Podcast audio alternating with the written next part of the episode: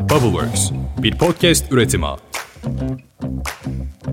Acaba mevcut stresli halinizin uzun süre ya da belirli aralıklarla tatile çıkmamakla bir alakası olabilir mi? Son 15 yıldır araştırmacılar seyahatin bizi neden mutlu ettiğine dair çok şey öğrendiler. Mutluluğun ekonomisini inceleyen psikologlar buna Esterlin paradoksu diyorlar. Yani para mutluluğa yol açabilir ancak yalnızca bir noktaya kadar. Mutluluğumuzu böylesine etkileyen şu para ve seyahat konusunu masaya yatırmaya hazır mısınız? Her zaman ilham bulmanın peşinde olan Ditopik Düşünceler podcast'te bu sefer seyahatten nasıl bir ilham bulabileceğimizin peşine düşeceğiz. Herkese selam Ditopik Düşüncelere hoş geldiniz. Ben Dilara. Cornell Üniversitesi tarafından yapılan bir araştırmada katılımcıların herhangi bir önemli malzeme, ürün ve deneyimsel bir şeyin eğitimin ya da benzer bir durumun satın alma işlemini yaptıktan sonra yarattığı mutluluğu kendi kendilerine test edip bildirmelerini istemişler. İlk başta katılımcılar her iki satın alma türünden de mutluluklarını aşağı yukarı aynı şekilde sıralamışlar. Ancak zamanla maddi şeylerden memnuniyetlerinin azaldığını ve para harcadıklarını deneyimlere karşı memnuniyetlerinin arttığını gözlemlemişler. İşte seyahat de bu deneyimlerden biri ve seyahat etmek resmen depresyon riskini azaltabiliyor akıl sağlığımızı koruma ihtiyacımız, tatil yapma şeklimizi değiştiriyor gibi görünüyor. Yani aslında nasıl stres halindeysek ona göre bir tatil planı yapıyoruz. Ya da kişiliğimiz stresle nasıl baş etme yönündeyse tatil sıklıklarımız, küçük şehir dışı kaçamaklarımız ya da tatil şeklimiz ona göre değişiyor.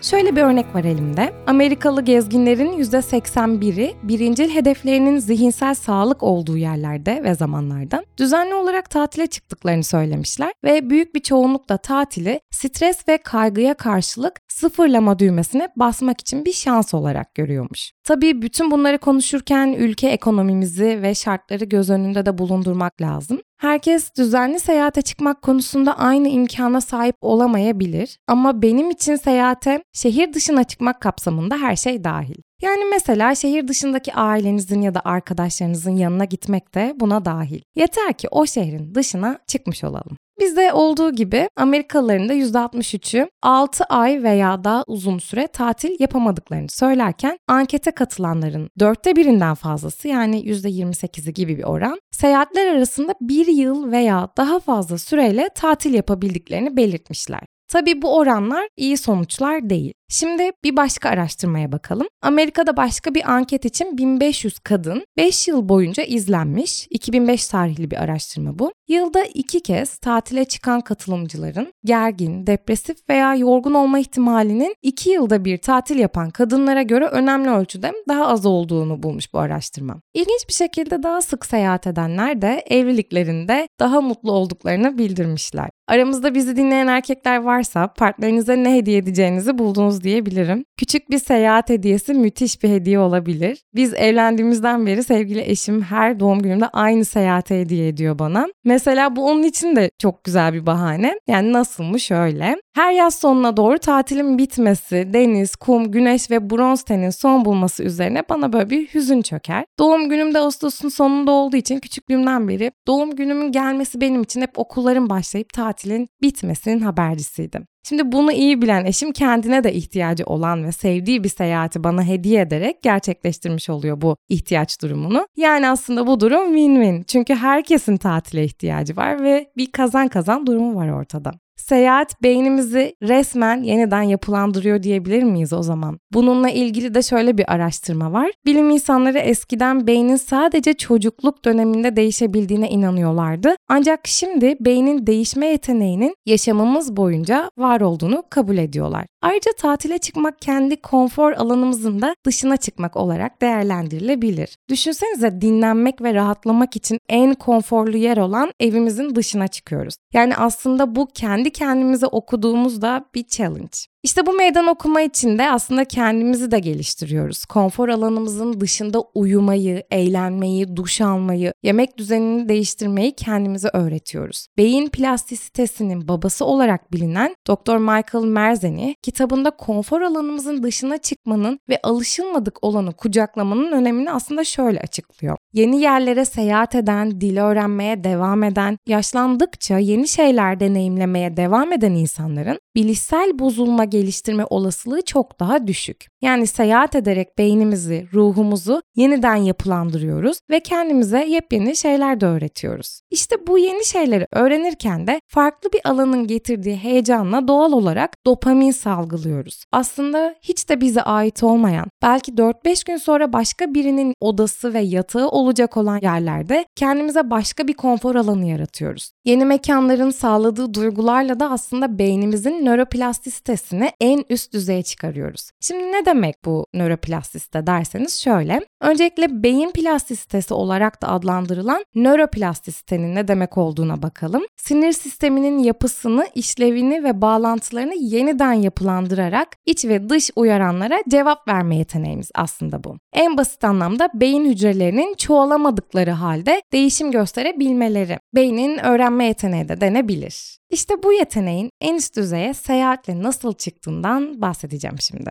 Manzara değişikliği beynimizi uyandırır ve otomatik pilottan çıkarır. Bu en basit tanım. Bilmediğimiz bir yerdeyken küçük şeyleri düşünmemiz gerekir. Asıl mesele de bu zaten. Yani küçük şeyler dediğim hayatımızın akışında her zaman kocaman kocaman şeyler düşünüyoruz ya. İşte bu seyahatlere ve tatillere çıktığımızda artık küçük şeyleri düşünürüz. Farklı bir dilden birkaç kelime öğrenmek, yeni bir yemek deneyimlemek kadar basit bir şey. Aslında bu nöronların ateşlenmesini sağlamak. İşte tüm bu küçük detaylar bunları sağlayabiliyor. İşte bu yüzden tatil yerlerinin dar sokaklarını, tatilde araba yolculuğunu, yeni otel odalarını ve hatta hiç bilmediğimiz o odaların banyolarındaki şampuanları ve duş yerlerini bu kadar seviyoruz ve onlara bu kadar heyecanlanıyoruz. Aslında beynimiz yeniyi görerek ona heyecanlandığı için o duş yerlerini bavulumuza atıyoruz. Daha da ileri gideyim. Beynimizin nöroplastisitesini üst düzeye çıkaran sadece o seyahat boyunca yaşadığımız ve belleğimize attığımız anlar değil. Sadece bir tatili beklemek bile bizi daha mutlu edebileceği için nöroplastisitenin üst düzeye çıkmasına yardımcı oluyor. Yani seyahat, tatil bunlar nasıl kelimelerse daha eylemi bile yokken onu düşünmek ruhumuzu tedavi etmeye başlayabiliyor. Tıpkı eğlenceli bir şey yapmayı dört gözle beklediğimizde beynin ödül ve zevk merkezlerini kontrol etmeye yardımcı olan bir nörotransmitter olan dopamin salımının tetiklenmesi gibi. Ve aslında aynı şekilde seyahatlerde ve tatillerde de bu dopamin salınımı tetikleniyor. Ve tatiller bize antidepresan gibi geliyor. Aslında bu durum şununla çok benzer. Ditopik Düşünceler Podcast'in ilk bölümlerinden olan 3. bölümde neden sürekli sergilere ve sanat sergilerine gittiğimi anlatmıştım. Sanatın bize aynı bu şekilde dopamin salgılattığından ve bunu nasıl yaptığından bahsetmiştim. Bir sanat galerisine gitmenin ve oradaki eserlerle iç içe olmanın zihnimizi sıfırladığını ve aşina olmadığımız yaşadığımız bir ortamdan keyif almaya başlayarak beyin dostu organizasyonlar yaratmamızı sağladığını konuşmuştuk. Aslında seyahat etmenin beynimize sağladıklarıyla o kadar benzer ki sanat galerilerine gitmek. İşte bu yüzden benim için şehirde haftanın bir günü sergi günü yapmak, şehir içinde seyahat ettiğim bir küçük kaçamak gibi. Bu da zihnimi ve ruhumu her hafta seyahate çıkarıyormuşum gibi dinç tutuyor. İşte bundan ilhamla sadece kendimi değil, sizi de bu küçük yolculuklara çıkarmak için Ditopik Keşifler rotalarını açtım bir süre önce. Beni hem Ditopik Düşünceler Podcast hem de Dilara Sengul Instagram hesaplarından takip edenler ve hatta bu keşif rotalarına katılanlar iyi biliyor zaten. Siz de bu Instagram hesaplarımı takip ederek şehir keşif rotalarımıza katılabilirsiniz. Ya da o rotalarımızda neler yaptığımızı izleyebilirsiniz. Bu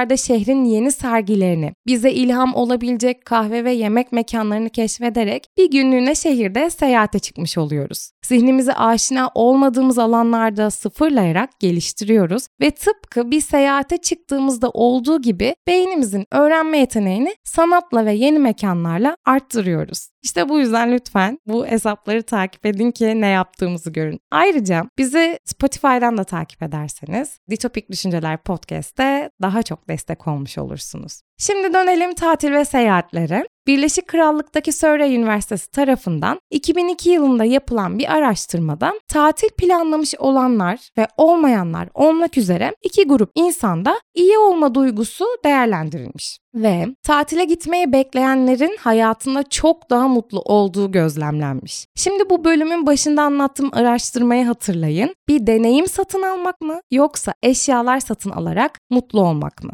Yapılan uzun süreli araştırmalar insanların maddi bir eşya satın alma yerine bir deneyim beklediklerinde ve yaşadıklarında daha mutlu olduklarını kesinleştirdi demiştik. Peki şöyle bir soru aklınızda belirebilir bu sonuçla birlikte. Yolculuk ve deneyim bitince mutluluk ve antidepresan etkisi de bitmiyor mu? Bunu bir süredir düşünüyorum. Her tatil dönüşü yaşadığım derin hüzünden sonra özellikle de kurumsalda çalışırken tatilden döndüğümden sonraki bir hafta kendime gelemiyordum. Bu kadar üzülüyorsak neden çıkıyoruz tatile diye düşünüyor olabilirsiniz. Ama aslında bilimsel olarak o kadar yüzeysel değil bu durum. Yani beynimize göre yolculuk bittiğinde mutluluk kaybolmuyor. Eve döndüğünüzde tatilin zirvesi de bitmiyor. Güney Kore'de yapılan yakın tarihli bir çalışmada araştırmacılar deniz aşırı seyahat eden 225 turistle görüşmüşler ve ortalama olarak yaşam memnuniyetinin seyahatten 15 gün önce arttığını ve eve döndükten sonra yaklaşık da bir ay sürdüğünü saptamışlar. Peki sonuç ne? Sonuç seyahat planlamak sizi mutlu etmekle kalmaz.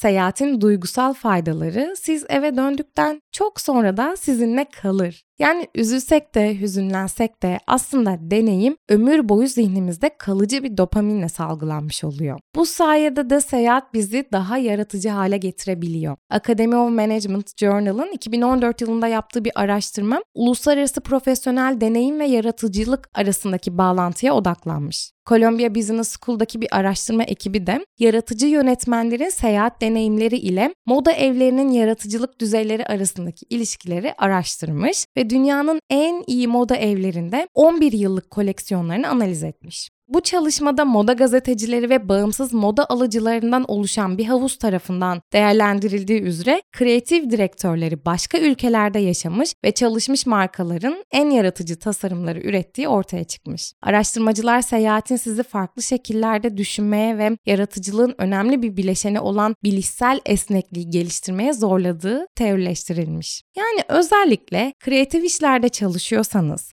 seyahat sizin için daha da önem kazanıyor diyebilir miyiz? Dilara biz mühendisiz yaratıcılık bize lazım değil mi derseniz olur mu öyle şey hayatta yaratıcılık çalışma hayatının veya herhangi bir işin her alanında lazım. Çünkü aslında bu durum kişisel bir durum ve benliğimizle ilgili. Bu dünyayı hangi alanda enerji yayarsak yayalım, her konuda o enerjinin parlaklığına ihtiyacımız var. Sadece bizim de değil, çevremizin de o enerjiye ihtiyacı var. Bu da ancak kendimizi geliştirirsek olur. Bunun sonunda da seyahatin kişiliğimizi geliştirebildiğini kolaylıkla ekleyebiliriz konfor alanımızın dışına çıktığımızda kişiliğimiz de değişir mi sizce? Bu soruyu kısaca bir düşünün ama aslında bu bölümde soruyu cevapladık. Kısa bir süre için bile yurt dışında yaşamanın özellikle deneyime açıklık olarak bilinen temel kişilik özelliklerini etkileyebileceğine dair kanıtlar da var. Açıklık düzeyi yüksek olan insanlar yeni deneyimler aramaya, alışılmadık olanlar rahat olmaya açık oldukları için kapalı fikirli olarak algılanabilecek özellikteki insanlara göre çok daha dışa dönükler.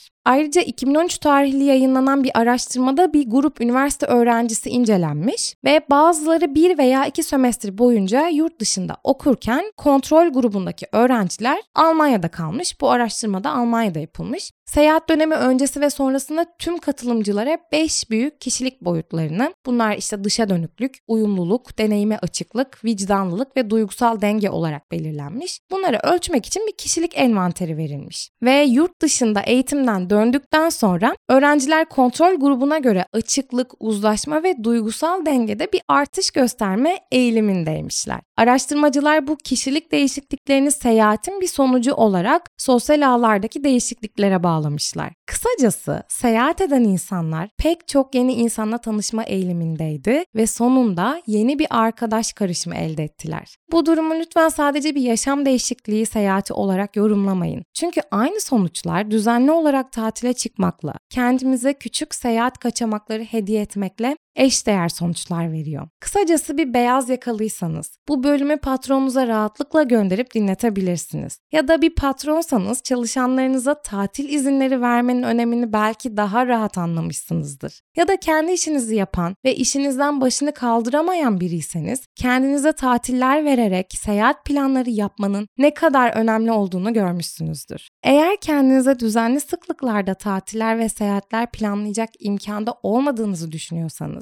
bunun sadece isminin seyahat olduğunu unutmayın. Şehir dışındaki ailenizi, akrabanızı ziyarete gitmek ya da bunları yoğunluktan veya başka sebeplerden de yapamıyorsanız, en azından belirli sıklıklarda şehir içinde kendinize sergi ziyareti günleri yaratmak zihnimize antidepresan etkisi yaratabilir. Önemli olan niyetimiz ve aslında sadece bu anları planlamanın bile verdiği mutluluk. Seyahatlerimizin, tatillerimizin, sanatın bol olduğu günler hep hayatımızda olsun. Bir sonraki bölümde görüşmek üzere.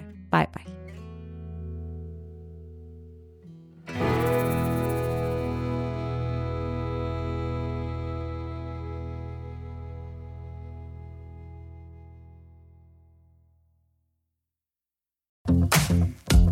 Bubbleworks bir podcast üretimi.